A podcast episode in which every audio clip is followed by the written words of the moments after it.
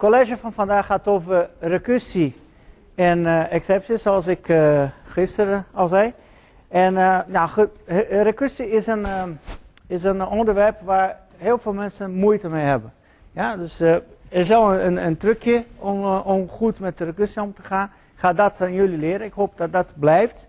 Ja, dus als ik van alles wat ik ga zeggen, zeg maar, wat betreft de recursie, dus alleen maar wat, wat er over moet blijven is dat je moet een, een, een, uh, een base case, een manier om te eindigen hebben en een recursie. Ja?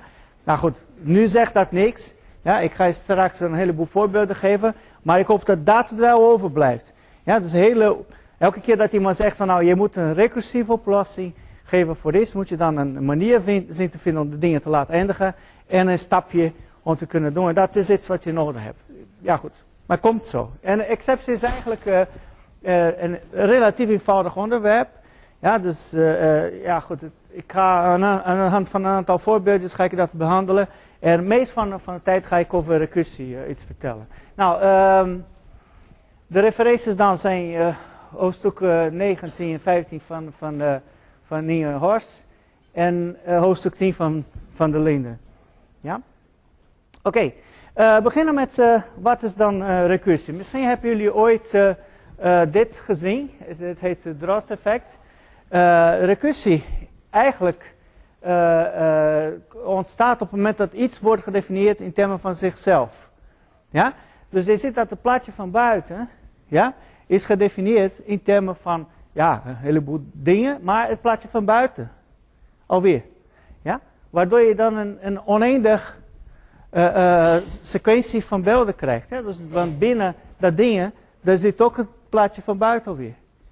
Het gaat gewoon verder. Ja? Dus de definitie van recursie is iets wat in termen van zichzelf wordt gedefinieerd. Ja? Uh, wie kende dit, dit plaatje? Of, ja, dit, perfect. Ja, goed. Bla, of het idee? Oké. Nou, ik, ik wil een beetje spannender maken. er zit een recursie in dit plaatje. Ja? Maar dat kun je niet zomaar zien. Het is heel uh, uh, interessant of heel gedrukt gemaakt. Uh, er zitten twee effecten in dit plaatje eigenlijk. er zit, zit, een recursie daarin. En er zit ook, de, plaatje is ook verdraaid volgens bepaalde mathematische formules. Ja, er zit zo'n zo bocht in, in het beeld. Het is ook misvormd volgens een, een bepaalde formule. En ik ga wel laten zien. Oké. Uh, even kijken. Ik denk dat deze is. En dan ga ik uh, eerst uh, deel 1 doen. En uh, oh, dit is niet zo. Nou, dit is groot genoeg, hè? Nou, eerst gaan wij doen, gaan wij laten zien zonder de misvorming, ja, zonder de, de bocht, zeg maar. Gaat alleen de recursie laten zien. Dat, dat, dat, dan kunnen jullie zien wat ze wat uh, dan in dit plaatje is, uh, is, gebeurd. Als ik dit kan opstarten. Kun je zien dat, uh, dat die dame kijkt door het raam. En daar in het beeld wat zij daar door het raam kijkt, ergens, ja, kijkt ze door alweer, door het plaatje alweer. En dan kijkt door het raam alweer, ja. Dus dat, dat, is iets, dat is nog een keer, want dat is heel cool. Ja, goed, iemand kijkt naar haar door het raam die dan naar een plaatje kijkt. En een plaatje zit zij dan, ja, die wordt gekeken door het raam naar, naar een plaatje te kijken. Ja? Dus daar, daar zit een recursie in, want uh, dat, dit plaatje is onderdeel van de definitie van het plaatje zelf. Ja, en dat herhaalt zich oneindig, ja, tot oneindig. Nou, nog, nog cooler is natuurlijk om te zien hoe het werkt met, uh, met de draai dan, ja. Dat is nog mooier. Ja, dus dat uh, is helemaal misvormd. in wezen is hetzelfde, hetzelfde verhaal. Nou, dan gaat hij daarin. En dan staat ze alweer. Ja. Nog een keer, want het is heel cool. Ja. Nou, dan staat ze weer. Daar staat zo weer. Ja? Nou.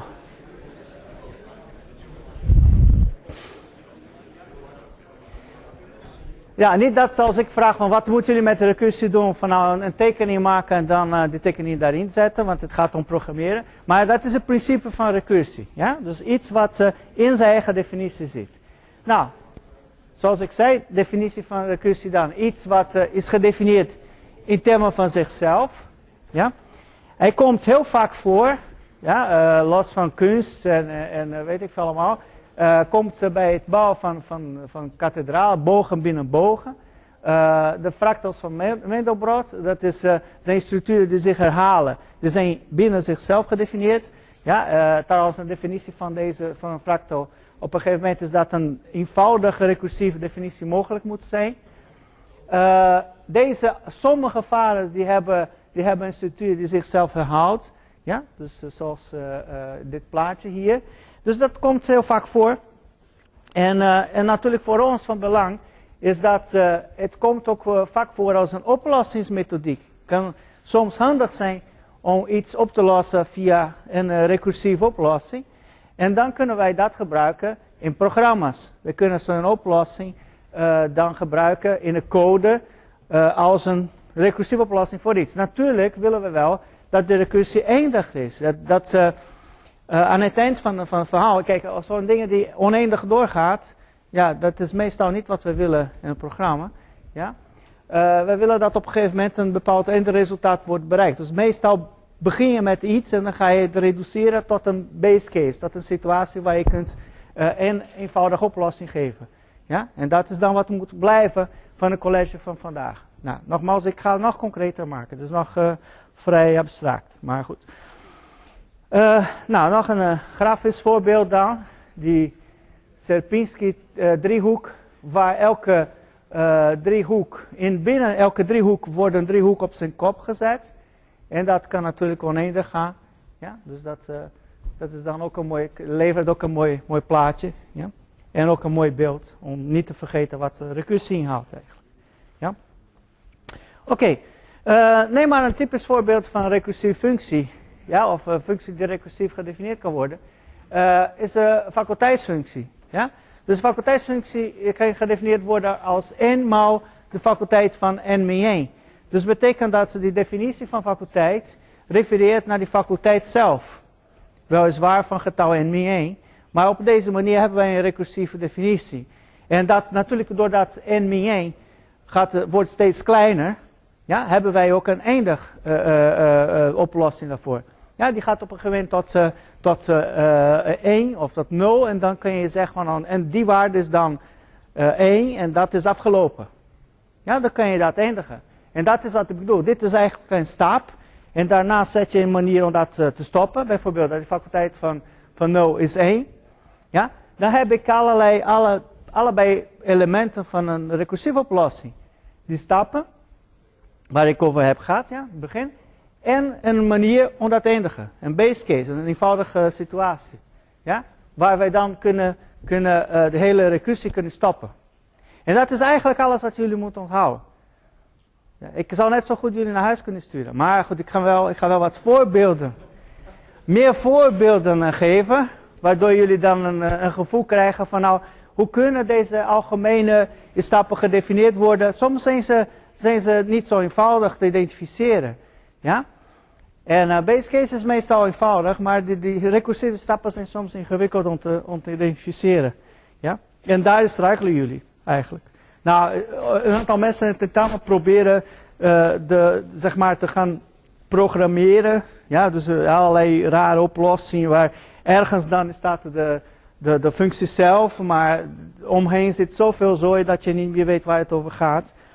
Dat zie je ook in tentamenoplossing. Nou, als je dat in een code zou, zetten dan, faculteit uh, heeft een, uh, een preconditie dat die n dan groter of gelijk is dan 0. Ja, want voor die andere waarde hebben wij geen oplossing voor. En die faculteit, als die n dan is groter dan 0, dan is de recursieve definitie komt. Dus die wordt gedefinieerd in termen van de faculteit en dan van n min 1. En in een ander geval, dus als n gelijk is aan 0, dan wordt het 1. Ja, en door dat meerdere malen te executeren, ja, dan gaat beginnen bij, stel maar dat het getal 4 is. Ja?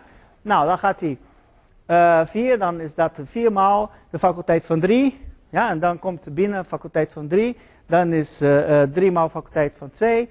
Uh, en dan 2 maal faculteit van 1. 1 maal faculteit van 0. En dan uiteindelijk is 1. Dan komen alle functies komen allemaal terug. Ja, want ze zijn allemaal aangeroepen. Dus die zitten allemaal in de stack. Dan komen ze allemaal terug. En aan, het eind hebben wij het resultaat. Ja? Dus zo werkt het. Is dat een beetje duidelijk? Ja? Nou, jullie hebben, bij P1 hebben jullie gewerkt met de iteratieve oplossing. Ja? Dat zijn die oplossingen waarmee je zegt oké, uh, ik heb een index, die begint met een 0 en die gaat tot de grootte van een lijst. Ja, en dan doe je iets daarin. Ja, dat is iteratie. Ja, je herhaalt de stappen een aantal keer. Ja? Dat is natuurlijk anders dan recursie. Ja?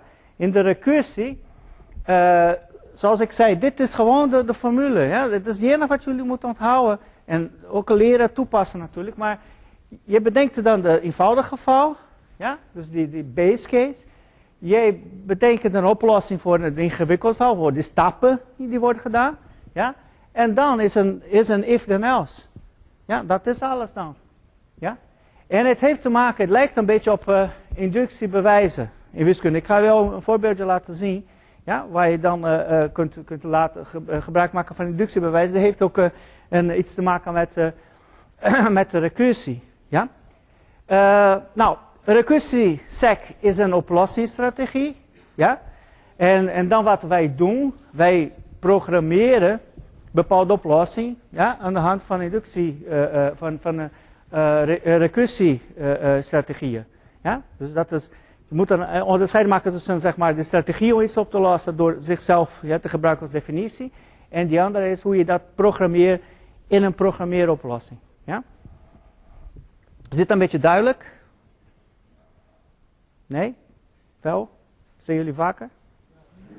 Oké, beweeg een beetje. Dat, Oké, okay. Oké, goed. Uh, nou, e-, even een oplossing, of een, sorry, een, een voorbeeld. Uh, de vraag is dan hoeveel, hoeveel vierkanten uh, zitten in, in deze driehoek. Ja? Dus dat is, dan er bestaat een formule om dat, om dat te bereiken. Wie weet de oplossing hiervan? Nou, eigenlijk is dat n maal n plus 1 gedeeld door 2. Ja? Is heel makkelijk, ga niet uh, op een recursieve manier nog uh, uh, oplossen. Maar je kunt wel zien dat het zo is. Want je kunt twee op opties hebben. Eentje is dat n is een even getal. En dan neem je die n plus 1. En dan neem je maal, 2 maal gedeeld door 2. Want hij herhaalt twee keer. Ja? Dan, dan kun je zien dat het even geval, geval dat waar is. Voor een oneven geval heb je hetzelfde situatie. Uh, maar dat komt allemaal goed. Ja? Uh, uiteindelijk uh, komt, moet je nog die middelste stukken daarbij. En als je dit gaat, gaat reduceren, kom je tot dezelfde formule weer. Ja? Dus je kunt het beredeneren van, nou, het, is, het is inderdaad deze formule. Maar je kunt ook op een andere manier kun je dat gaan doen. Nou, je kunt dan ook een, een, een recursieve oplossing daarvoor bedenken, natuurlijk. Ja? Dat is dan wat wij, waar wij mee bezig zijn. Uh, de, aantal vier, uh, uh, driehoeken zijn, voor het geval dat die 1 0 is, is 0. Ja? Dat is onze base case, daar stoppen we. En voor het geval dat n is groter dan 0, is eigenlijk de, die aantal, de, de n, ja, die, die grote n, plus die aantal van n min 1. Ja, want we nemen de rij n en de volgende rij heeft eentje minder. Ja? En die aantal van die is dan uh, wat wij moeten optellen bij die 1 om te weten hoeveel totaal is. Kunnen jullie er een beeld van maken? Ja? Oké. Nou, dit is een recursieve oplossing, want uh, we hebben twee dingen gedaan. We hebben een stap gegeven. Ja, die n plus aantal in min 1, dat is onze stap. We hebben een base case gegeven. Die moet stoppen bij 0. Ja? En uh, doordat het gaat naar n min 1, dus die n gaat naar beneden, we weten dat op een gegeven moment gaat het gaat tot 0 en dan stopt hij ook. Dus dat heeft alles een goede oplossing te zijn. Nou, even een voorbeeld geven dan. Aantal van 5, dat is 5 plus aantal van 4. 5, uh, het aantal van, van, van 4 is dan 4 plus aantal van 3. Ja, zo gaat het door. Ja? En dan op een gegeven moment wordt alles allemaal opgeteld. En dan hebben wij een oplossing. Ja? Dat is 15. Nou, het is wel belangrijk om te kijken wat gebeurt met die programmastructuur op dat moment. Ja? Uh, dat maakt ook moeilijk om recursieve uh, oplossingen te, te, debuggen. Te, uh, als, een, als een bug daarin zit, ergens de bug te, te, kunnen vinden. Want wat gebeurt er dan? aantal 5 wordt aangeroepen. Ja? Binnen aantal 5 wordt aantal 4 aangeropen. Binnen aantal 4 wordt 3 aangeroepen. En zo, zo gaat het totdat uh, dat aantal 0 is, uh, wordt aangeroepen en is geëxecuteerd. En dan komen elke van deze komen terug met die oplossing. Ja, totdat je naar boven komt en dan heb je die totale oplossing. Dus dat betekent dat die toestand van, deze, van de hele berekening zit ergens in de stack. Op een willekeurig moment, ja, die toestand van dit, dit optelsom en zo, die tussenresultaten, zit ergens in de stack. Bijvoorbeeld kan best zijn dat aantal 2 is geroepen, de rest nog niet, of dat uh, aantal 2 is net terug. Ja? Het is heel moeilijk om te debuggen, juist vanwege deze eigenschap. Ja, dat je weet in welke toestand is die implementatie nou eigenlijk. Ja? Dat is een beetje het probleem met de recursieve oplossing. Ze klinken als uh, een beetje magisch ook. Ja? Van nou ja, goed, ik geef een regel en, en, en een eindsituatie en dan ineens klaar. Maar ja, soms, soms is één regel is die oplossing van het probleem. Maar het is wel een krachtige manier om te doen. Alleen heeft het dit uh, als ja, een beetje negatieve eigenschappen, dat het moeilijk is om te debuggen. Om te weten waar zo'n algoritme op een, op een gegeven moment zich bevindt. Ja? Met iteratieve dingen kun je naar de index kijken, hij is bezig met index 3. Ja, dan kun je zien wat de waarde is. Ja, hier is wat ingewikkelder om dat te doen, want die, die informatie zit ook in de stack. Ja, in die, in de, in de methodes zijn hier aangeroepen en zijn nog niet terug. Ja, het is wat gecompliceerder. Zit een beetje duidelijk? Ja? Uh, wat ik hier heb getekend is een uh, aanroepboom. Ja, het, kan zijn, het kan zijn dat een tentamen wij jullie vragen om dit te tekenen voor een bepaalde recursieve oplossing die jullie zelf hebben bedacht. Het kan zijn. Dus dat moeten jullie ook weten wat dit betekent en hoe dit allemaal werkt. Ja? Er zijn ook voorbeelden in het boek van aanroepbomen van methodes. Maar kunnen jullie, dat, kunnen jullie een beeld maken van dit? Hebben jullie begrepen wat hier... ja? Oké. Nou, nou bewijs van, van dat verhaal met gebruik van inductie om te laten zien de parallel met, uh, met inductiebewijs. Uh, de inductiebewijs dan van, van, van de formule, ja, die n maal n plus 1 gedeeld door 2. voor n gelijk aan 0, dat is triviaal, ja, dus, dus gewoon 0. En voor n groter dan 0, wat wij zeggen is, wij nemen aan dat, uh, dat het uh, aantal n min 1 uh, is gelijk, is, is correct. En waarom? Want wij weten wel dat wij, door dat te doen, we hebben een inductiestep. Ja? Wij, wij willen bewijzen of het geldt voor n. Dus we zeggen, wij nemen dat n min 1 geldig is. Ja, want wij, wij weten dat wij kunnen reduceren tot 0. Ja? Dus wij nemen aan dat dit geldt voor n min 1. En dan willen wij bewijzen dat dit geldt voor n. Ja, dus die aantal n min 1 is n uh, min 1 maal n gedeeld door 2. Is dat wel correct? Ik vervang n door n min 1. En ik neem aan dat het correct is. Ja? Nou, het aantal n is dan n maal aantal n min 1. Dus ik vervang dat stukje daar in de formule weer. Ja? Dus ik vervang n min 1. Ja? Gegeven dat, dat die formule wel geldig is. Uh, uh, dus de, de vervanging, dat, dat, eh, dat, dat stukje daar door n uh, min, uh, min 1 maal 1 gedeeld door 2. Ja? En dan moet ik n daar, daarbij tellen, dus om de waarde van aantal n te, te, bereiken. Nou, als ik dat manipuleer op een gegeven moment, kom ik tot hetzelfde uitspraak. Dus ik kan bewijzen dat gegeven dat n gelijk aan 0, voor n gelijk aan 0, aantal is 0, en dat die aantal n min 1 inderdaad uh, is volgens de formule, ja, kan ik bewijzen dat die aantal n inderdaad volgens de formule is.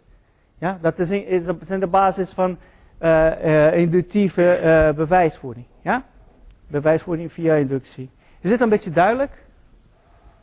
Ja? Is, er zit een parallel, jullie zien dat zit een parallel met, met de recursie. Ja? De inductieve, de inductiehypothese en de stappen die zijn vergelijkbaar met de recursieve uh, redeneren in recursie, uh, recursieve oplossingen. Uh, nou, als ik dat implementeer in Java, dan, ja, dan als n is gelijk aan 0, kom 0 terug, wat, wat ik net gisteren heb gezien, gezegd dat niet zo netjes is. En dan anders komt n maal n plus aantal n meer 1. Ja? Maar als dat één niveau is, is ook niet zo'n groot probleem. Is dit een beetje duidelijk? Ja? Oké, kan nog korter natuurlijk. Wat ik ook zei, lijkt op een magische oplossing. Ziet dat ze, uh, je kunt gebruik maken van de conditie zelf. En dan kan ik zeggen van als dat waar is, dan is het no, het resultaat is no. En als dat niet waar is, dan is het resultaat die 1 plus aantal 1. Dus met één regel heb je dat opgelost. Ja? Nou, uh, een ander voorbeeld, uh, de grootste gemene delen. Ja, uh, dus dat, daar heb je ook een oplossing voor, een recursieve oplossing voor. in het simpel geval, x is deelbaar door, door, door y en dan de GGG, de grootste gemene deler, is y. En als het dan de som is, y is, is deelbaar door x, dan is dat x. Ja? En de complexe stap, ja, die wat ingewikkelde stap, uh, moet je uh, uh, kijken of x deelbaar is door, door, door, door, y. Dus als het niet deelbaar is, en als x groter is dan y, dan is de grootste gemene deler is dan y en de rest van de, van de, van de deling, die modulo, x modulo y. Dus de rest van de deling van x door y. Ja? Dat is gewoon een oplossing, ja, die wordt dan gegeven. Ja, en dan gaan wij kijken van, dan zie je dezelfde structuur alweer. Ja, zoals ik zei in het begin. Er zit een eenvoudig geval, dat is wanneer het deelbaar is. Ja, dan heb je een oplossing. Dan kan je stoppen met de recursie. Uh, en de complex geval is gedefinieerd in termen van zichzelf. Ja? Want je, moet, je krijgt natuurlijk een nieuwe getalen. Ja? Je pakt die y alweer en die modulo. En dan ga je alweer de functie toepassen. Ja? Dezelfde structuur. Ja? Alweer een eenvoudig geval. En een inductie en een recursie stap. ja? Dus, dus dat, uh, we gaan dan voorbeelden kijken. Nou, een uh, grootste van 18 en 12. Nou, 18 is niet door 12. Dus wij moeten de rest van, de deling tussen 18 en 12 moeten wij nemen. Dat is 6. En dan gaan wij die, uh, de grootste gemeentedelen van 12 en 6. En, dus, en dan 12 is deelbaar door 6. Dus dat is dan 6. Ja. Het resultaat is gewoon de kleinste. Ja? Nou, hetzelfde verhaal. Een beetje met meerdere stappen daartussen. Uh, 21 is niet deelbaar door 12. Nou, dan gaat het door. Dan neem je de rest van de verdeling. Is niet deelbaar, uh, deelbaar alweer. De rest van de, van, de, deling alweer. Totdat het deelbaar is. Dan is de kleinste de oplossing. Ja? Dus je ziet dat alweer hetzelfde verhaal. Net als dat ik zei. Ik kon net zo goed bij die eerste uh, voorbeelden stoppen. Maar we gaan steeds ja, iets complexere, ja, iets gedruktere zeg maar, in situaties en stappen. Dat jullie kunnen wennen aan het idee. Ja? Is dit een beetje duidelijk? Oké. Nou, uh, gaan we implementeren. Dat was alleen maar die oplossing, ja, de recursieve oplossing. Bij de implementatie, wat ook heel vaak gebeurt hier, en dat wil ik ook jullie waarschuwen, is dat ze um, bij een recursieve oplossing, soms moeten wij de, de oplossing zelf gaan voor, of de, de, de, de recursieve functie of methode die wij maken, moeten wij voorbereiden. Ja? In dit geval uh, hebben wij een, uh, een, daarom is ook een underscore in het begin, is een soort van interne functie, en die is recursief gedefinieerd. Die gaat vanuit dat x groter is of gelijk is aan, aan y. Ja? Dus betekent dat wij voor die algemene oplossing, dus waar x en y ja, uh, willekeurig één is groter dan die andere of niet, ja, moeten wij dan aanpassen om deze te kunnen aanroepen. Heel vaak is het zo dat bij deze oplossing dat je dan een, een soort van hoofdfunctie nodig hebt. Ja? In dit geval is deze, deze de functie. Dit is niet die, GGD, die algemene implementatie van GGD, maar het is wel de GGD wanneer x groter is dan y. Ja? Nou, in dit geval is gewoon, uh, wordt de rest wordt, uh, berekend. Als de rest 0 is, is deelbaar. Ja? Dan is het resultaat uh, y. Dan ben je klaar. En als het niet deelbaar is, dus de rest is niet 0, dan roep je recursief die functie. Ja? En dan weet je ook dat de rest kleiner is dan y. Dus je kunt die underscore GGD kun je wel hergebruiken. Ja? Is dit een beetje duidelijk? Nou, dan de algemene oplossing is natuurlijk, uh, je roept die GGD, hij controleert of x groter, is, uh, groter of gelijk is dan y. En dan kiest hij die underscore GGD volgens de juiste volgorde.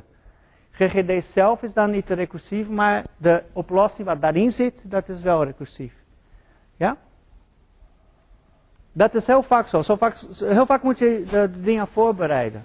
Ja, want je hebt, uh, uh, of die volgorde moet je rechtzetten, of heb je wat uh, variabelen, wat extra informatie wat je moet toevoegen, en dan heb je die hulpfuncties die zijn recursief in wezen.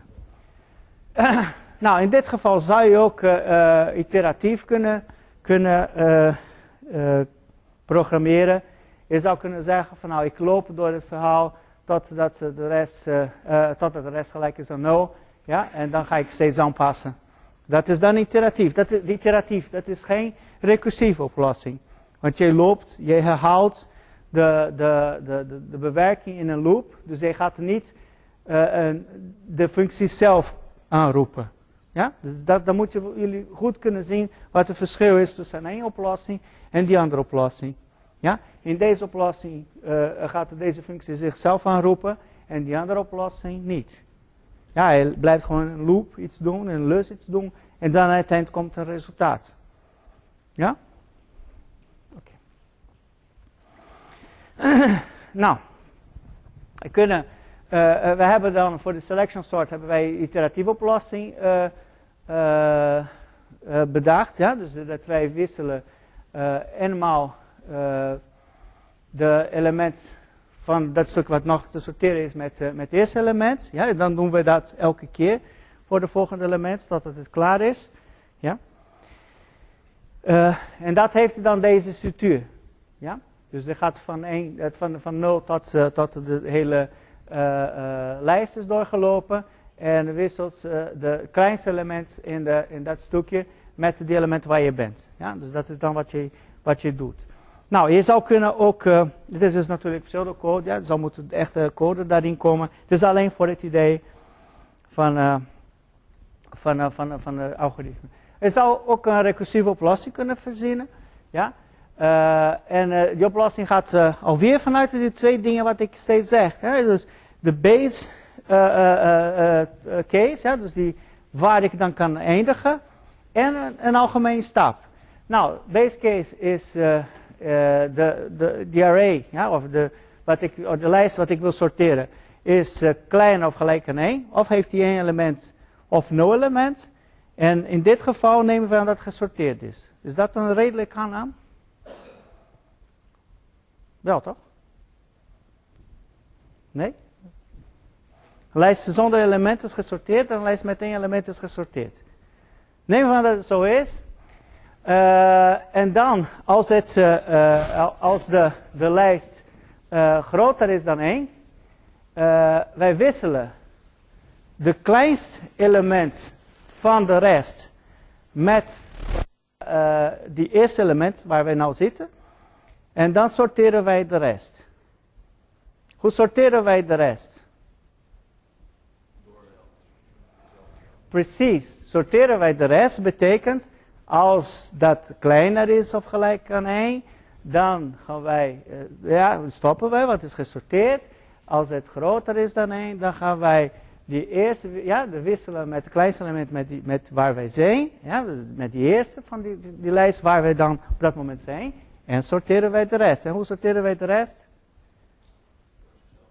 Precies. En dat is dan de recursieve aspect daarvan. Dus uh, elke keer zegt sorteer de rest. Ja, wat is de formule om de rest te sorteren? Nou, dat is zichzelf. Ja, dus hetzelfde. Je komt alweer bij hetzelfde ding. Dus eigenlijk, uh, wat, je, wat je dan doet, is, uh, je, je, kijkt van nou, is de index dan klein of gelijk aan 1 Dus ben je het is één element, ja, en als het is meer dan één element, dan ga je de, de rest sorteren. Dus dat is dan wat je doet. Ja, en is gaat wisselen, ja, dus je moet wel doen wat daar staat. En dan sorteert alweer. Ja? Dus dat is dan het idee van, van de recursieve oplossing. Ja?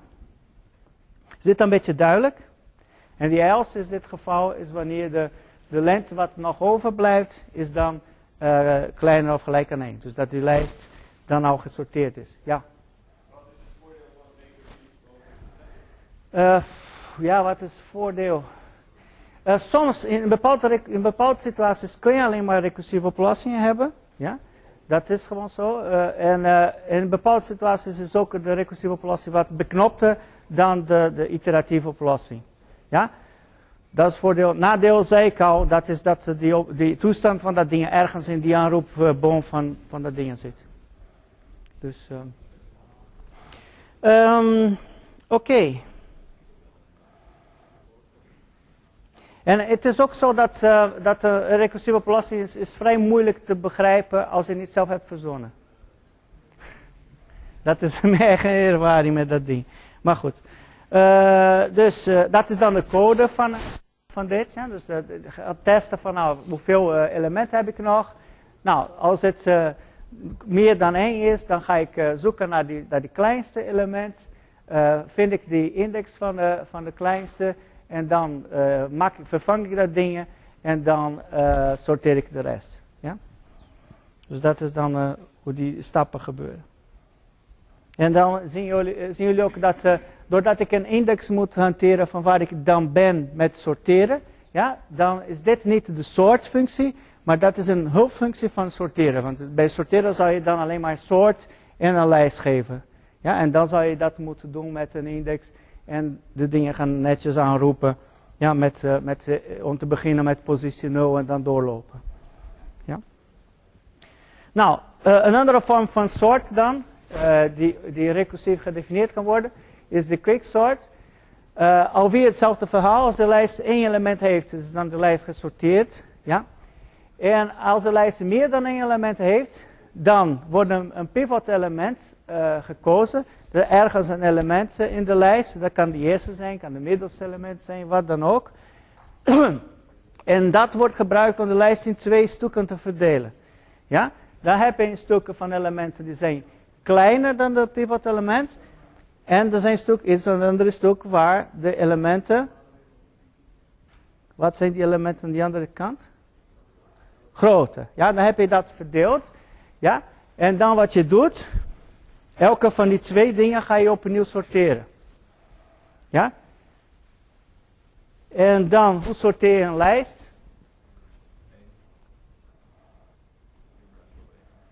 Ja?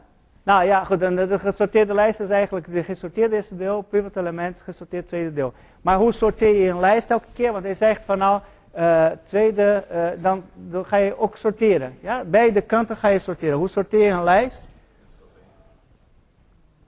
ja, alweer door een pivot element te zoeken en dan de verdeling 2 en die 2 gaan sorteren. Ja? Dus steeds hetzelfde idee van nou, uh, basisstap. Je ziet dat die, die, recursiestap een beetje ingewikkelder is. Ja? Want je, je ergens, je definieert twee stappen. Je moet ook uh, zoeken welke zijn die kleine, gooi je aan één kant, wat zijn die grotere, gooi je aan de andere kant. En dan heb je twee lijsten en dan ga je die alweer sorteren. Ja? Maar het is een vrij uh, efficiënt algoritme, eh, hoe gek het klinkt. Maar goed, uh, even een, indicatie van hoe het werkt dan. stel maar dat het pivot element het eerste element is. Kan, zoals ik zei, kan een willekeurig element zijn. Kan een middenste element zijn, wat dan ook. Maar goed, pak maar die eerst. nou, in dit geval, die eerste hoort bij die positie daarin wezen. Ja? Dus, en dan gaan wij de, zeg maar, de dingen die kleiner zijn, dan gaan we aan één kant schuiven. Deze hier. Nog niet gesorteerd, ja, dus gewoon schuiven aan één kant. Ja, dan ben je klaar. Dat is niet zo leuk. En dan ga je, aan die andere kant ga je die andere, die grotere ga je dan schuiven. Vier zit op zijn positie. En dan wat ga je doen? Wat moet je hier doen dan? Volgens de definitie van die algoritme? Allebei alweer gaan sorteren. Hoe sorteer je dan? Neem een pivot element. Positioneer dat ding waar hij, waar hoort. Heb je twee lijsten alweer? Ja? In dit geval heb je twee lijsten met één element elke, dus die is al gesorteerd. Ja? En, uh, en dan, Uh, en en de, de, de, de, resultaat van de sortering is eigenlijk een concatenatie van die elementen die overblijven. Hè? Dus die, die, die gesorteerde lijst, uh, gecombineerd, ja? dus gevolgd door die pivotelement, gevolgd door de gesorteerde andere kant van de lijst. En dat moet je ook systematisch toepassen. Dus in dit geval, dat, het resultaat van een gesorteerde lijst van dat stuk is 1, 2, 3. En dan ga je naar boven, dan ga je combineren met 4. En dan moet je combineren met het resultaat van een gesorteerde lijst van deze. Maar deze is wat uh, langer, dus moet je eerst uh, een pivot vinden. Nou, krijg je, de pivot in dit geval is het eerste element. Nou, dan ga je dat ook alweer sorteren. Dan heb je dat. En dan gaat dit alweer sorteren. Dan heb je uh, dit, ja. En dan ga je allemaal combineren. Dus combineer je deze twee en dan die drie en dan die twee. Want er zit geen element daar. En dan heb je die en dan combineer je met die. Maar die komt ook van die kant, ja. Totdat je dan een gesorteerde lijst hebt. Je ziet dat het wel werkt. Ja, het is heel makkelijk zien dat het uh, uiteindelijk wel werkt. Door de dingen allemaal te gaan combineren weer. En dat is wanneer die, alle deze functies, die komen allemaal terug. Ja? Dus dat, en dan heb je dat, uh, dat in volgorde. Dit een beetje duidelijk? Nou, nou even, even kijken hoe wij dat, uh, dat zou kunnen implementeren dan. Uh, om nog spannender te maken hebben wij een de ordering is, een, is, een, is gegeven als een, een soort van parameter, als een interface, een object die interface order implementeert, waardoor wij flexibiliteit krijgen. Ja? En dan, de, dat, dat de Q-sort dan is, even kijken.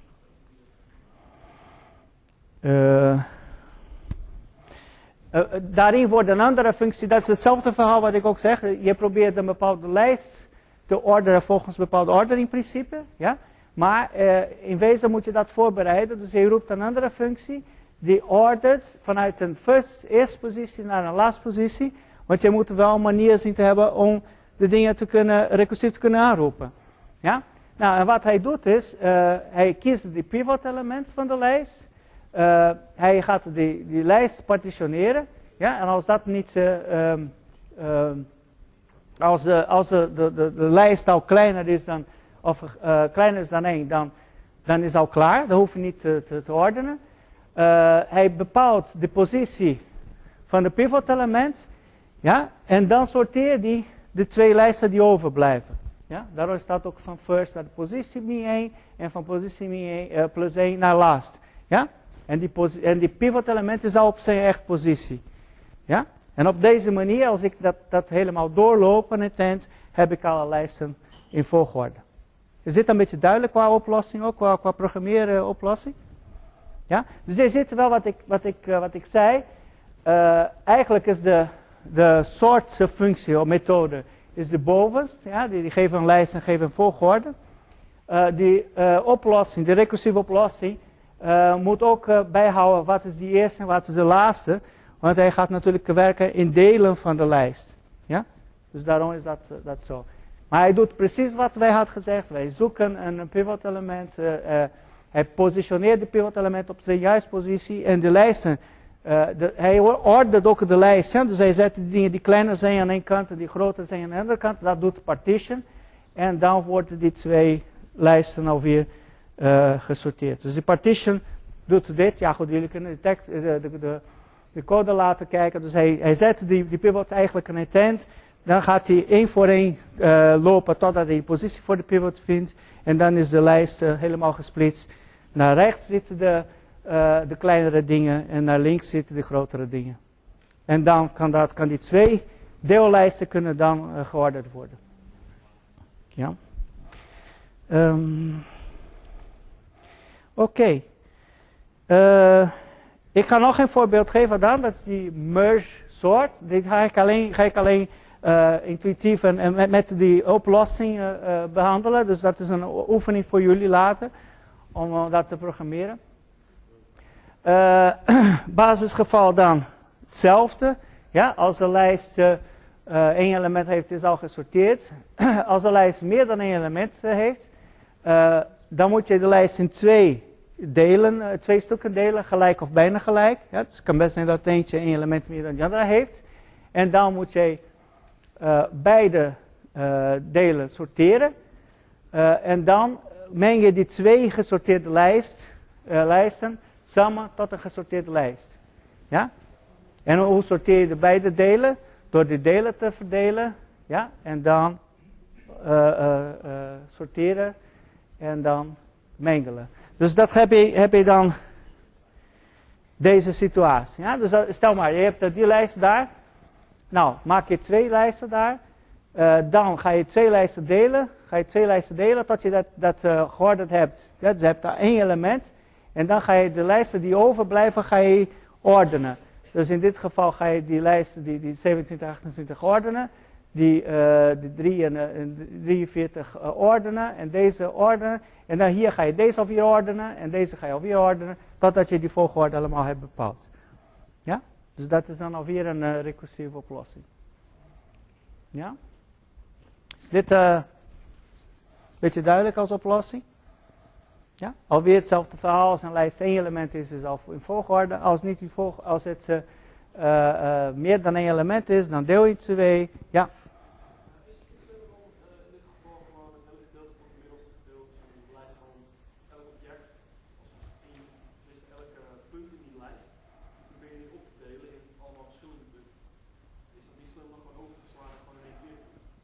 Ik snap je jouw uh, opmerking niet. Ja. Ja?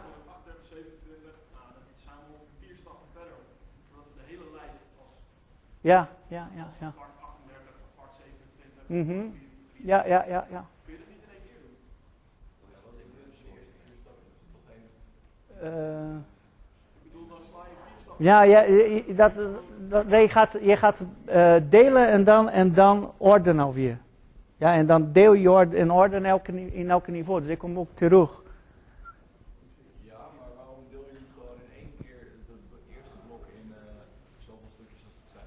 Ja, maar hoe ga je dat delen? als je dat doet, dan doe je niks. Hoe ga je, je hebt de lijst, ja? Je hebt alleen, uh, uh, uh, je hebt alleen een, een stuk programma die zegt van nou mijn lijst is, is dat stukje. Ja, die heeft die twee elementen of die heeft één element.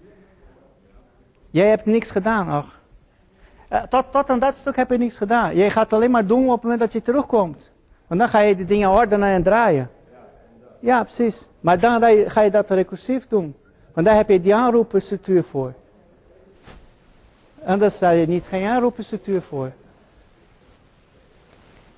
De, wat hier staat is eigenlijk de aanroep tot daar en dan, dit is de base case en dan is wanneer alle functies terugkomen. Ja.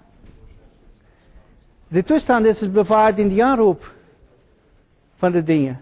Elke keer heb je de dingen twee gedeeld en twee gedeeld, twee gedeeld, tot het dat één is en dan komen ze allemaal terug. En dan wordt elke keer vergorderd. Ja, als het, je, je, je, hebt niks als je daar in het midden staat. Je hebt alleen alle, zeg maar, die aanvordering van alle functies totdat ze de base case hebben bereikt. Dan moeten ze terugkomen. En als ze terugkomen, dan worden die in volgorde gezet. Ja, ik kijk er nog Ja, ja, ja. Maar dat is de reden waarom het niet zal werken. Ik bedoel, niet dat je, het is niet, maar dat is, dat is het probleem van recursief dingen. Het is niet dat je dat... Uh, hebben al, allemaal uit elkaar gescheiden en ergens in de geheugen geplaatst. Dat, dat, zo gaat het niet. Dit is die aanroepboom en dan op een gegeven moment heb je een lijst met een element. Ja? Uh, en dan komt het terug. Ja, want dat is, de base case is bereikt. Ja, komen dit twee terug tot een lijst van twee elementen. Wat moet je doen? Moet je die in volgorde zetten. Dan draai je die twee posities. En dan heb je twee lijsten. Ja, eentje met, uh, met twee en eentje met vier. Dan ga je in volgorde zetten en dan kom je terug. In wezen wel. Ja, maar daar heb je die aanroepenstructuur niet. Oké, ja. Um, we hebben nog een, nog een voorbeeld. Eigenlijk is, is dat om te laten zien dat, uh, dat die, die stappen, die recursieve stappen, kunnen vrij uh, tricky zijn. Uh, ja, ik vertel deze en dan, dan, kunnen wij pauzeren. Uh, de, de torens van, van Hanoi is dan het probleem dat je dan... Uh, um, je hebt drie staffen en dan heb je rondjes, in rondjes van een bepaald grootte waar dan de grootste. Ja, dus onder. Er moet altijd onder zijn. En dan die, die ene na, die andere dus altijd op elkaar. Ja, in volgorde van de grootte, zeg maar. Net als daar, wat daar staat. Ja, en zijn rondjes van verschillende grootte. In principe zou één uh, rondjes kunnen zijn. Ja, en schijfjes kunnen zijn. Uh, wij nemen drie, want drie kun je makkelijker tekenen. Kun je ook makkelijker uh, daarover denken en redeneren laten zien. nou, de, regels zijn dat je kunt alleen maar één schijf elke keer naar een andere staf zetten. de, een grotere schijf kan, ook, kan nooit op een kleinere liggen. Ja, dus je moet altijd in de volgorde van een grote zijn.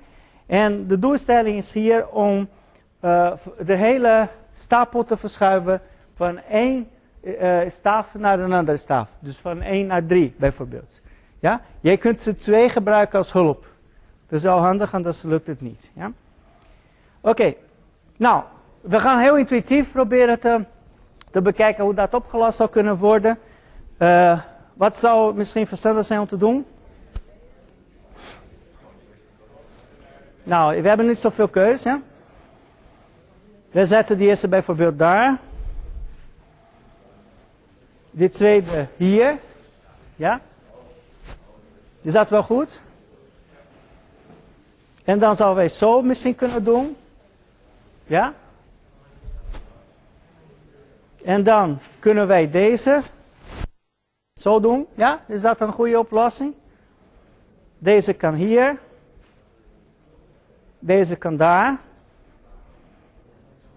En deze uiteindelijk hier. Dan zijn we klaar. Maar wat voor patronen kunnen wij identificeren hierin? Dat is toch een beetje tricky, of niet? Er is wel een patroon te identificeren, om een recursieve oplossing te, te, te bedenken. Hebben jullie een idee?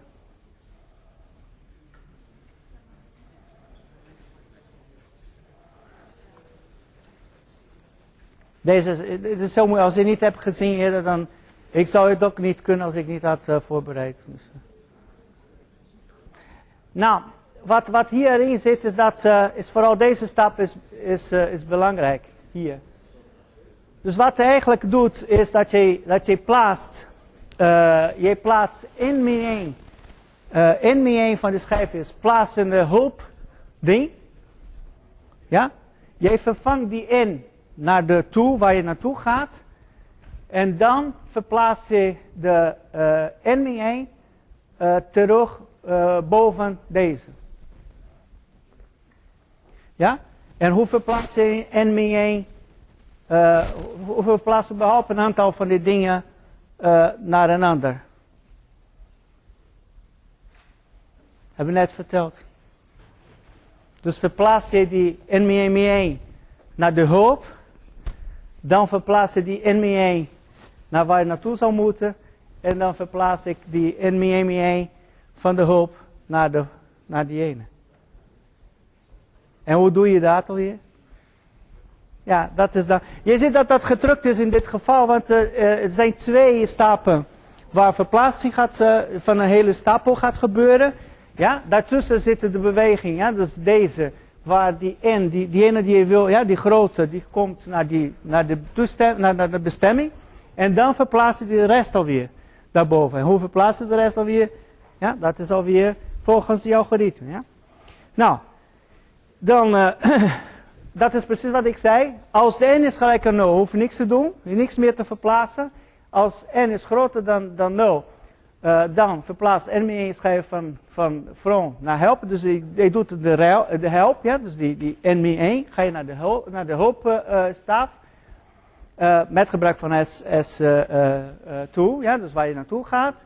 dan verplaatsen die ene, ja, die grote, die ene waar je mee bezig bent, van, van waar je bent naar de, waar je naartoe moet. En dan verplaatsen die NME van de hulp naar die ene waar je naartoe gaat, met gebruik van van, de, van, de, van, de, van die ene, ja, die, waar het vandaan komt. En dan doe je alweer, ja, wanneer de volgende keer voor de NME. En dan totdat de n is gelijk aan 0, dan hoef je niks te doen. Ja?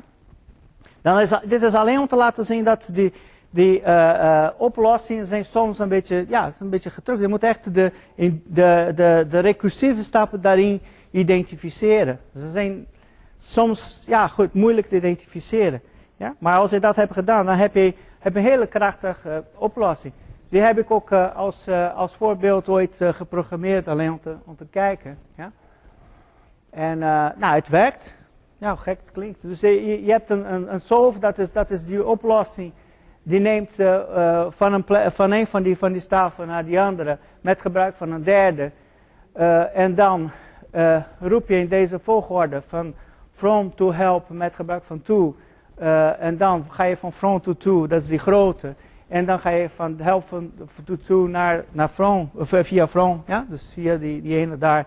En als je dat netjes programmeert, dan werkt het ook. Dus, uh, nou, even de, de, visualiseren wat gebeurt. Als je dat gaat oplossen op dit niveau, dan roep je dit een keer. Ja, voor twee, want anders wordt het veel te veel, alweer voor tekenen. Uh, dan ga je alweer uh, aanroepen totdat het nul wordt. Ja, en dan komen alle deze dingen komen terug. Ja, en aan het zijn ze allemaal in volgorde. Ja, dus dat... Dat is om te laten zien hoe het, hoe het en dan zie je dat dat is dan die executieboom van dit. Ja, solve is dan bezig en dan roept solve uh, een keer, dan gaat het dit uh, doen. Dan komt hier, gaat hij, het is nul, dan doet hij niks. En dan verandert van A naar B en dan doet hij niks alweer. Ja, want het is nul. En dan komt hij dit terug en dan gaat hij dat ook ver, verplaatsen. En dan gaat naar de volgende, dan roept dit alweer. Ja? Dus je ziet dat, dat op deze manier wordt de hele algoritme doorgelopen. Ja? Oké, okay. wij kunnen nou gaan pauzeren. Ja, dan uh, later gaan we verder. Ah.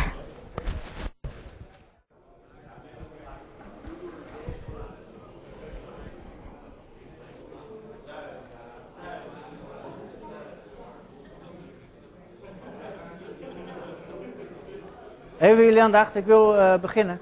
Ja? Uh, wat, ik, uh, wat ik nou wil vertellen is dat, uh, die, dat de recursie is niet alleen voor, zeg maar, voor een programmeerstructuur, voor, voor, de, voor de control van, van, van het gedrag van het systeem, ja, zoals we nou hebben gezien, het zeg maar aanroepen van die methodes. Maar het kan ook verschijnen in de structuur, in de klassenstructuur. Eigenlijk in, in dit voorbeeld in de instanties van die objecten die naar elkaar refereren. Dus daar kun je ook een recursie voor gebruiken. En een voorbeeld wat ik dan gebruik is een, een kilometerteller. En die heeft dan allerlei uh, cijfers. En wanneer een, een cijfer springt van, van 9 naar 0, dan de linkercijfer moet opgewaardeerd ja, zodat het de dingen netjes telt. Ja? En dat gaat door tot aan de laatste. Nou, dat betekent dat je ook een recursieve structuur daarvoor kunt, kunt bedenken. Ja, waar elke uh, cijfer dan wijst naar een andere cijfer. Naar een object van cijfer. Ja, dus dat is dan ook een, een, een recursieve objectenstructuur. Uh, als het ware. Ja? Dus uh, dan zien we dat bijvoorbeeld de kilometer counter heeft een, een, een, zo'n zo, zo, zo willetje. Ja? En de willetje wijst naar een willetje. Ja? Natuurlijk moet dat ergens stoppen. Dat uh, wijst naar de linker willetje. En op deze manier kan, kan zo'n zo structuur worden gemaakt. Nou, dit is dan de teller. Ja? Begint ergens. Dat, dat, dat die ene meer aan de rechterkant. En dan elke van de willetjes die gaan uh, naar de volgende, naar, naar links wijzen. Totdat je dan ergens eindigt. Ja, want we moeten wel op een gegeven moment de laatste getal hebben bereikt. Ja? Dus deze dan is een uh, recursieve structuur. Ja? Uh, die wordt dan gemaakt via, via uh, verwijzing. Ja? Je verwijst naar objecten van dezelfde klasse als die objecten zelf. Ja? In dit geval. Is dit een beetje duidelijk qua oplossing? Ja? Ja.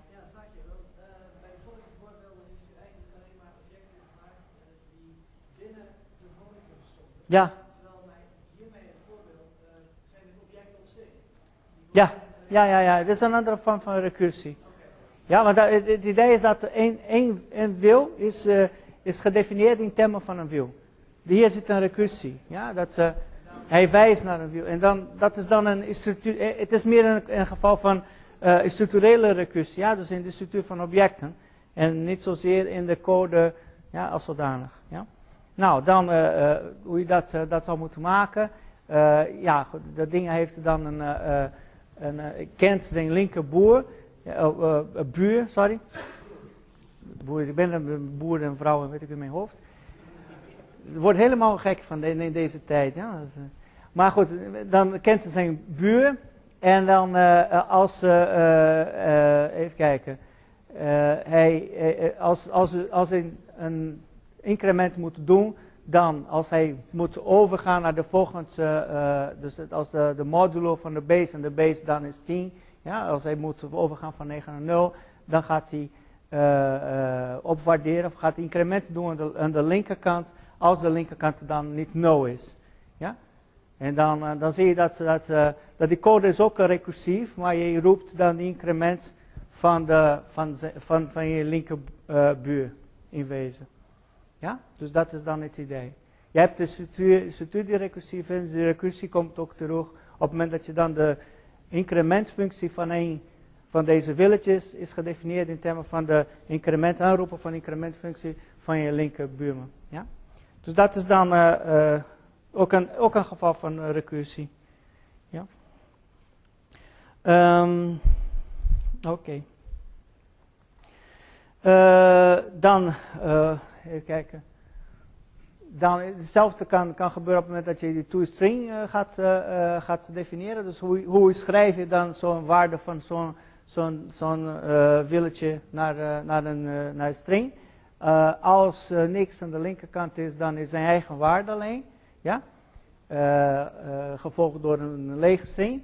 En anders dan moet je nog de, je eigen waarde, maar dan moet je ook de waarde van de linker uh, buurman moet je nog aan de linkerkant zetten. Ja? Dus dat zie je ook terug bij die toestring. En eigenlijk, ja, heb je die toestring van de linker buurman moet je dan gaan, gaan aanroepen. En die hele kilometer eh, counter, dan uh, moet je alle deze uh, objecten gaan creëren, aan elkaar koppelen via de links. en dan ga je de incrementen en, en de toestring functies definiëren door de increment en toestring van de rechter digit, ja, de rechter wieltje te gaan aanroepen. Dus dat is dan een, een, voorbeeld waar die structuur recursief is. En dan zie je dat, dat terugkomt, de recursie terugkomt door het, ja, waar je dan die, die methodes gaan aanroepen. Ja? Is dit een beetje duidelijk? Oké. Uh, eh, nou, we, hebben, we zijn nou met de recursie voorlopig klaar. Ja? Dus dat uh, hebben wij. Uh, nou gaan jullie verder daarmee met, met die oefening. En werk, bij werkcollege bij, en bij practicum. ik ga iets vertellen over excepties. Dus Um, uitzonderlijke situaties, uh, foute situaties en hoe je dat kunt opvangen in Java code. Uh, dan, het idee is dan om, om drie dingen te gaan behandelen. Eentje is wat betekent zo'n zo zo zo fout, ja, zo'n probleem. wat kan zo'n fout veroorzaken? en dan hoe kun je in Java omgaan met deze foutsituaties. Ja, dus zijn die drie dingen die, die we gaan behandelen hier. Um, en het idee dan is dat je dan een speciale klasse daarvoor gaat gebruiken, of subclasses van zo'n klasse gaat gebruiken of aanmaken. En die klasse heet exception. Ja? Dus die bestaat, dat is gedefinieerd bij Java. Uh, en, en mechanisme bestaat uit, op een gegeven moment dat een fout optreedt, dan kan je zo'n exception, ze noemen gooien. Ja? Dan gooi je naar de naar de methode, naar die andere objecten die jou heeft aangeroepen, hebt aangeroepen, ja, dan om ons signaal te geven dat zo'n fout is, eh, heeft opgetreden. Ja, dus dat is, dat is het algemeen. Maar ga, in het algemeen ga ik wel wat details uh, daarover vertellen. Nou, um, er zijn eigenlijk twee manieren wanneer een, uh, in, in, het algemeen, uh, twee manieren van een programma om fouten te genereren. Eén manier, dat kennen jullie waarschijnlijk wel. Wanneer er een bug zit in de, implementatie. Ja, bijvoorbeeld dat je een objectreferentie hebt die, die op 0 staat en dan ga je proberen dat te lezen. Ja, dan heb je een null pointer exceptie daarvoor, die kennen jullie waarschijnlijk. Uh, of wanneer jullie uh, informatie van een array proberen te lezen, maar jullie proberen dat buiten de range van die array. Ja, dus die array heeft uh, acht elementen, ga je positie 10 proberen te lezen, dan, dan zie je ook dat het niet werkt, krijg je ook een, een foutmelding van. Krijg eigenlijk een, een, een exceptie die al ingebouwd is in de taal. Ja? een tweede vorm van, van fouten kunnen zijn wanneer bepaalde uh, resources, bepaalde uh, middelen binnen het systeem uh, niet beschikbaar zijn. En dat, dat komt vooral door de dingen, daar, daar speelt een rol de dingen die je niet vanuit het systeem goed kunt controleren. Bijvoorbeeld als je interactie hebt met een, met een filesysteem. En op dat moment is het filesysteem niet aanwezig. Ja? Er is een, een crash geweest in de, in, de, in de disk weet ik veel allemaal ja, dan is een fout waar je eigenlijk geen controle over hebt. Maar je moet wel iets, iets doen daarmee. Ja, anders uh, crasht jouw, jouw heel systeem. Ja? En er is bijvoorbeeld netwerk. Ja, netwerk kunnen, kunnen uitvallen. Ja, dat is een typisch voorbeeld. Als ik uh, thuis ben ik bezig en dan zet ik de, de, de magnetron aan, dan is mijn wireless weg. En ja goed, als ik in mijn, mijn programma iets aan het doen ben, ja, dan, uh, dan moet ik wel ja, een en exceptie uh, op niveau van zet het magnetron uit. Uh. Nee, maar goed, dat is, dat is, uh, dat is een probleem. Een ander probleem is wanneer, wanneer bijvoorbeeld een file, ja, dus dit, een, een, een file, jij bent aan het lezen en je denkt dat meer informatie komt, maar die file is niet in orde. Ja, er zit een fout daarin en, en dat, dat is al op. Dus die informatie is op. En ja, het eind van de file is ineens bereikt. Ja, dat, dat is ook iets wat je eigenlijk geen, vanuit de code wat je schrijft heb je geen controle over, maar je moet iets mee doen. Ja? Uh, bijvoorbeeld het formaat van de, van, de, van, de, van de data klopt niet. Ja? Dus je schrijft een programma waar die gebruiker integerwaarden moet invoeren en die, die gebruiker is debiel en die gaat dan letters proberen in te voeren. Ik heb geen controle over een debiele gebruiker. Ja? Dus dat, uh, dan, dan moet je iets mee doen. Oké, maar het zijn allemaal, dus er zijn Eigenlijk zijn twee, twee uh, wat hierachter staat, is, uh, zijn twee typen fouten. Fouten die je zelf hebt verzonnen. Dat weet je, weet je niet, maar je hebt zelf geïntroduceerd in het systeem. En fouten die je eigenlijk niet zoveel controle over hebt. Ja, dat zijn uh, die tweede type. Nou, je, kunt, zou kunnen denken van nou, ik ga proberen anticiperen op alle fouten. Dus ik ga elke keer dingen bijvoorbeeld doen zoals als de de file nog niet in het eind is, dan lees ik volgende regel. Of uh, als het uh, netwerk nog niet uitgevallen is, dan ga ik uh, berichten sturen naar de ontvanger. of het formaat van de data klopt, dan doe ik conversie uit, anders weet ik veel, dan ga ik huilen. maar het probleem hiermee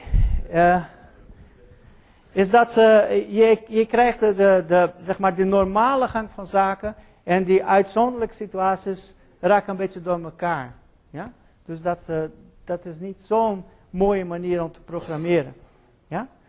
Dus je moet dan gaan bedenken aan van wat zijn alle mogelijke fouten en voor elke van de dingen in de code gaan, uh, gaan zeggen van nou, test maar deze situatie, deze situatie.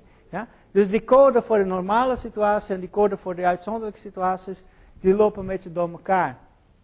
Ja? En natuurlijk heb je een probleem op het moment dat dat uh, een fout is wat je niet had bedacht dat het kon gebeuren. Ja, uh, dat, dan moet je, ja, wat, wat kun je daarmee doen? Dan moet je gaan programmeren weer en dat, uh, dat, dat stopt nooit. Dat is een vervelende situatie. nou, daarom hebben ze bij Java iets verzonnen. En dat is, ja goed, conceptueel is dat, dat, dat bestond al. Exception handling noemen ze dat in het algemeen. Maar in Java heeft dat ook. Uh, het is om uh, fouten op te vangen. Ja, dus je hebt de normale gang van zaken en dan bepaalde dingen wat je gaat doen, heeft een kans dat een fout uh, gaat veroorzaken. En die vang je op in een, hele, in een, in een ander stukje code. Ja, en dan kun je iets mee doen, iets speciaals mee doen. Ja, en dat is dan die exception. Ja, die exception, die is dan een normale, een, is een situatie die niet normaal is, een abnormale situatie. Ja, en die kan, die kan schadelijk zijn voor het systeem. Dan moet je opvangen en moet je iets mee doen. Ja, dat is het hele principe van exception.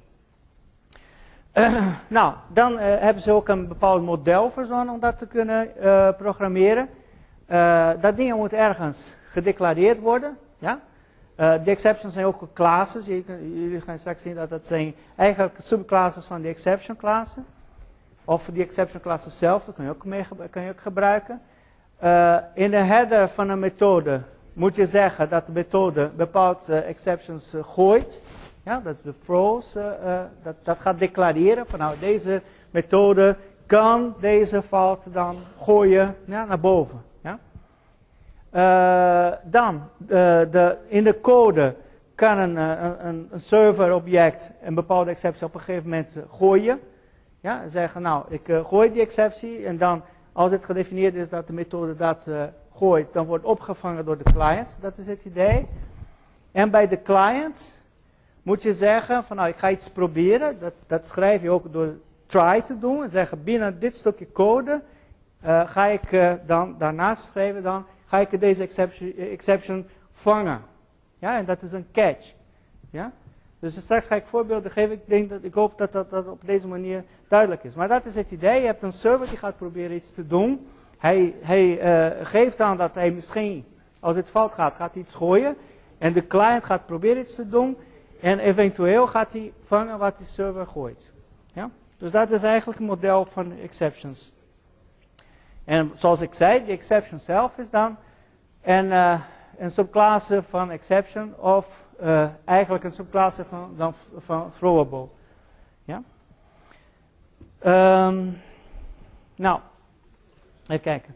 Uh, dus wat wij zou als um, wat wij zou kunnen doen dan in plaats van als de file nog niet ten einde is, dan gaan we het volgende regel lezen. Dan zou je kunnen zeggen, ik blijf in een loop waar ik dingen lees. Ja? En dus de try. En de read line, die kan een, kan een exception van de type end of file exception gooien.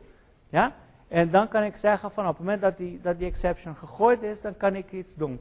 In dit geval, ja goed, misschien is het geen probleem dat het end of file is, dan gaat hij dan netjes termineren, dan, dan springt hij uit, uh, uit de loop en dat is prima.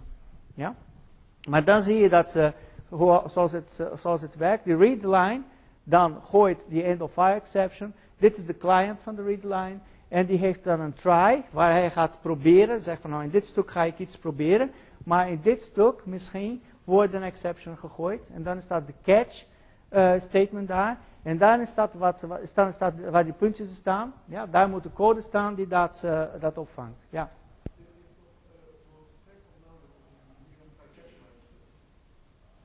Dit is alleen maar een voorbeeld hoor. Dat is niet... mm ja, ja, dat kan. Maar dit is alleen een voorbeeld van hoe dat ze op deze manier gedaan kon worden. Ja.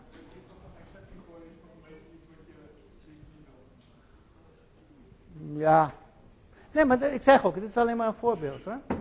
Het, is niet, uh, het beste zal zijn inderdaad aan de hand van uh, inhoud van de line bepalen dat de loop uh, afgelopen is. En die end of line gebruiken als het een abrupt end is van de, van de file. Dat zou een, best op, een betere oplossing zijn, dat geef ik toe. Maar dit is alleen maar een voorbeeld. Ja? So, alleen, dit is meer om te illustreren hoe die try-catch mechanisme functioneert dan, dan zeg maar gezonde programmeerdisciplines. ja? nou, eh, hetzelfde verhaal dan. Hoe zou je dat kunnen doen? Uh, ja, kijk, in dit geval zou je wel verstandig zijn om te doen alweer. Hè? Uh, je hebt als de formaat klopt, dan doe je die conversie. Nou, hij probeert de parse te doen. En als de parse niet succesvol is, dan wordt de number format exception gegooid. Want dat is wat ze parse ingooit. En dan ga je iets mee doen. Bijvoorbeeld, ja, probeer alweer of geef een, een foutmelding, wat dan ook. Uh, netwerk nog uh, niet uitgevallen is, probeer een bericht te sturen. Uh, bepaald van deze, van deze dingen, als je überhaupt probeert te gebruiken, ja, ben je gedwongen, en zal straks vertellen waarom, ben je echt gedwongen om die exception op te vangen. Ja? In dit geval, als een message wil versturen, een bericht wil versturen, dan moet je ook die IO exception daarbij zetten, voor het geval dat het netwerk uitvalt. Ja.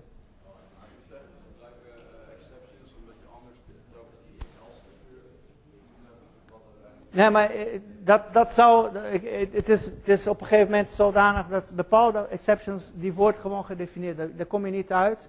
Als ze gedeclareerd zijn, moet je ook opvangen. Je kunt er niet die oplossing met die if then else meer hebben. Je bent gedwongen om die exceptions te gebruiken. Het is meer op het niveau van taal. Ja? Dat, dat, dat, stel maar dat exceptions niet waren, zou je dat bestaan. Dus je moet wel met deze dingen op deze manier doen. Ja? Elke keer dat een kans is dat een exception gebeurt, moet je dat kunnen vangen. Ja, vooral door die dingen die oncontroleerbaar zijn, die komen van buiten. En bepaald van deze functies dwing je ook om dat te doen. Ja, dat je schrijft de code en dan zegt hij van nou, deze, deze methode gooit deze exception. Je moet dat kunnen vangen. Ja,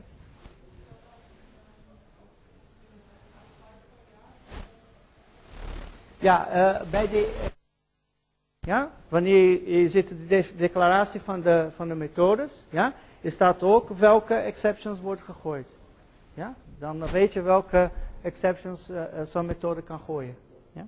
En dan welke je moet gaan vangen. Op het moment dat het gedeclareerd is als uh, gooi, dan moet je ook vangen. Ja? Oké, wat is dan de algemene, wat is een algemeen recept om, om dat te gebruiken?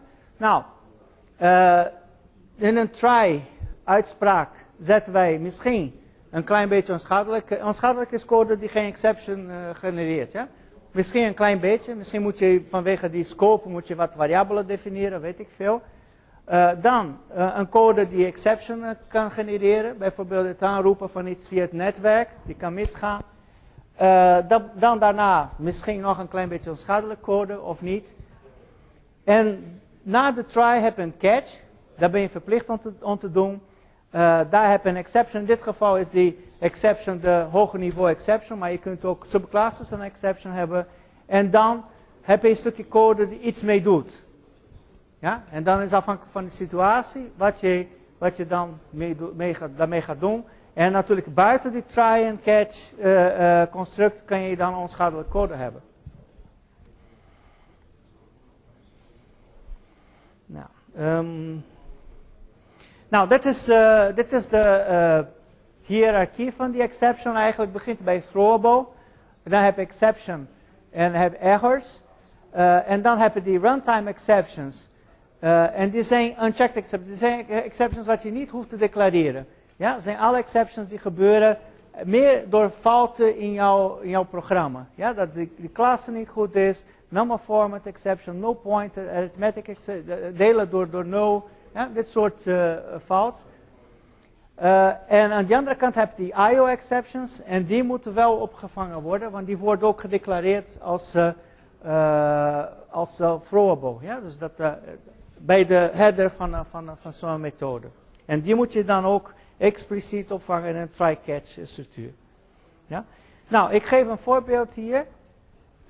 en um, wat ik ook moet zeggen hier is dat de volgorde van de definitie van de catch is wel belangrijk, is bepalend voor welke uh, uh, exception eerst wordt opgevangen. Ja? Nou, uh, alleen daar dan. Ik heb een try waar ik een aantal dingen ga doen. Ja? En dan ga ik jullie vragen, afhankelijk van de waarde van i en s, wat wordt de waarde, de waarde, dan van j? Ja?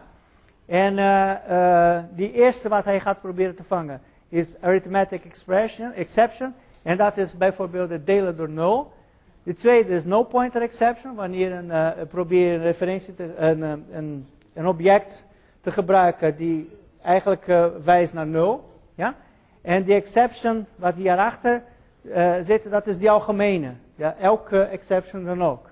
Ja? En dan moet je vragen welke is de waarde van j in verschillende...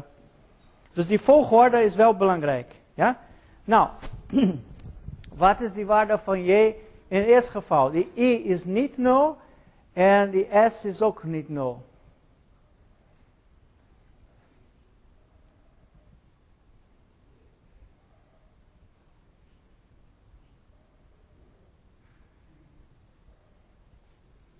Dat is het ook alweer. Wat is die waarde van, van j? Ja? 1? Wie denkt dat 1 is?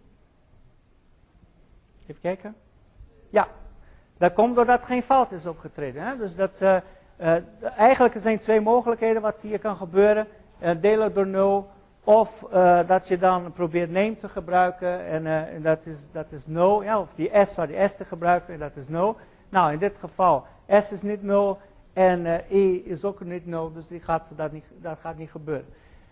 Wat is de tweede waarde van, van J? In het geval dat I no is. Wat is dat? Wie denkt dat 3 is? Jee. Dus het is 3, want het is die eerste, ja. Dus kijk, dat, dat is wel interessant. Als die exception, als die exception boven was, dus die catch exception voor de arithmetic ex exception was, zou het anders zijn. Ja, want dan zou die exception eerst vangen. Maar doordat wij die arithmetic exception daarboven hebben gedaan, dan is dat als eerst uh, opgevangen. Ja? En uh, de laatste, wat is dat dan de waarde van J? 4, ja? Dat is niet echt spannend, maar goed. Dan heeft hij, ja, heb geprobeerd S te, gebruiken en S was 0, dan heb je de no pointer exception. Dus dat is een beetje het functioneren van, uh, van exception. Ja, uh, en we zijn al bijna zover. Dus uh, ik ga dit uh, een beetje overheen. Maar ik, het, wel belangrijk, ik hoop dat jullie hebben begrepen hoe de, de straming van de, van de dingen werkt. Dat je dan methodes hebben die bepaalde exceptions gooien. Staat ook die in de header van de methode. Ja? In de code heb je een throw uitspraak waar die exception wordt gegooid. En de client doet een try en een catch en dan vangt die exception. Ja. Ja. Oh, ja. Welke? Deze? Ja. Oh, ja. Uh. Deze? Ja. Uh, nou, ik zou, ik, zou, uh, ik zou een andere exception moeten creëren daar en, en dat, dat gaat nooit gebeuren. In deze, ik, als ik verschuif met dit, zeg maar, ik zet die exception de catch exception zet ik daarboven voor de arithmetic exception. Dan vangt hij alle exceptions. Ja, dat is een beetje om een voorbeeld te geven. In dit geval gaat de laatste stuk nooit, nooit iets doen. Ja? Want het is of een of die andere en dan gaat hij nooit die derde. Maar als ik eerder die, derde had gedefinieerd, ja, dan zou het inderdaad, uh, ja, uh, ja, dan, dan moet zeggen, illegal argument, en ja goed, dat moet, moet, moet genereren. Maar dan moeten we wel iets andere dingen daarbij doen om dat te kunnen genereren. Ja, ja, ja maar dat is, dat is die exception inderdaad. Ja. ja. Oké. Oké, dit, dit, dit laat ik even. Wat ik eigenlijk wou.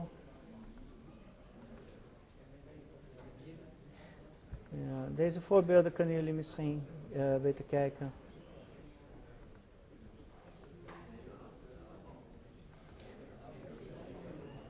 Nou, uh, misschien is dit interessant om te vertellen. Uh, ja, een programma kan ook niet altijd bereid zijn op, op alle mogelijke excepties. Ja? Dus dat hebben jullie ook gezien. Ja?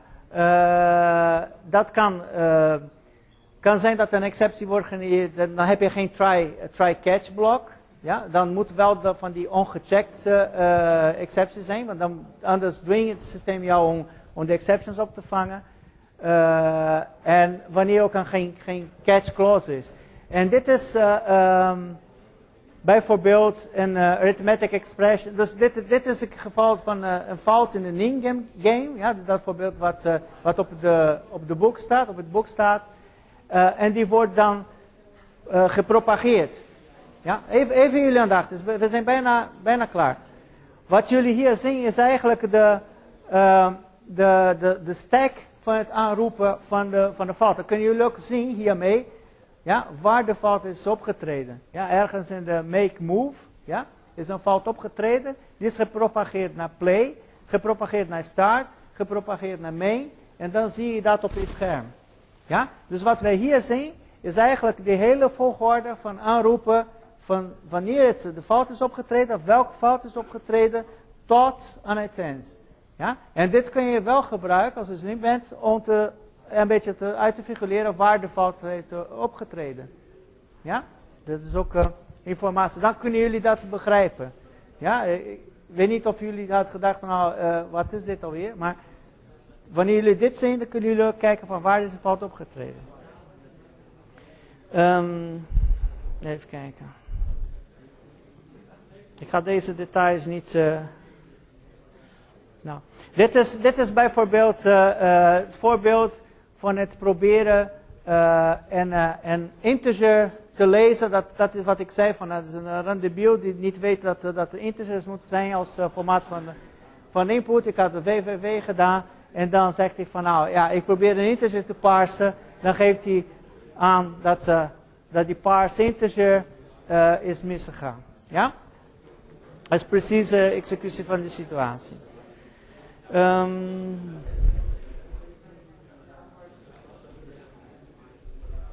nou, uh, wat ik ook wil vertellen is uh, dat je los van die, van die exceptions die bestaan, kun je ook extra exceptions gaan definiëren. En ik gebruik het voorbeeld van de passwords. Stel maar dat je zegt van nou, de, de passwords, als een paswoord niet correct is, dat ga ik als preconditie definiëren van mijn, van mijn methode. Ja? Dan, als het niet correct is, dan kan ik dat als, als exception gooien. Ja, want het is een, iets wat niet toegestaan is in mijn code.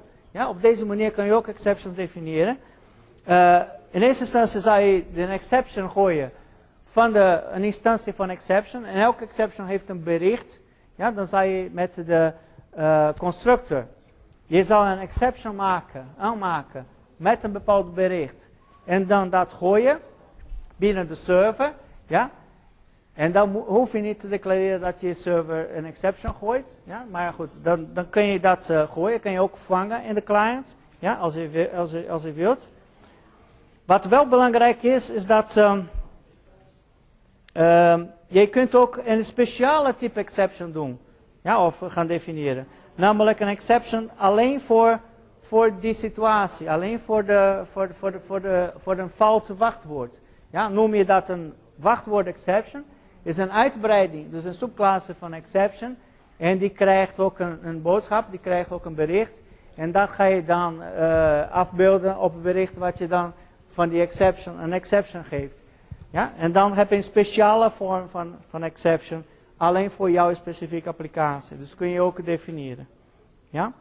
Nou goed, deze dingen, die details daarvan kunnen jullie dan straks uh, uh, gaan, gaan gebruiken.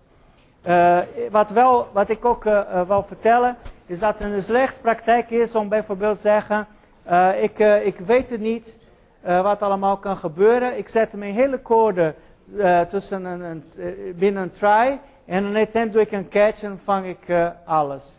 Ja? Dat is niet de bedoeling. Ja, dat is zeer slecht programmeerstijl. Dus jullie moeten denken van nou, wat zijn die dingen die kunnen gebeuren waar ik geen controle over heb. Ja?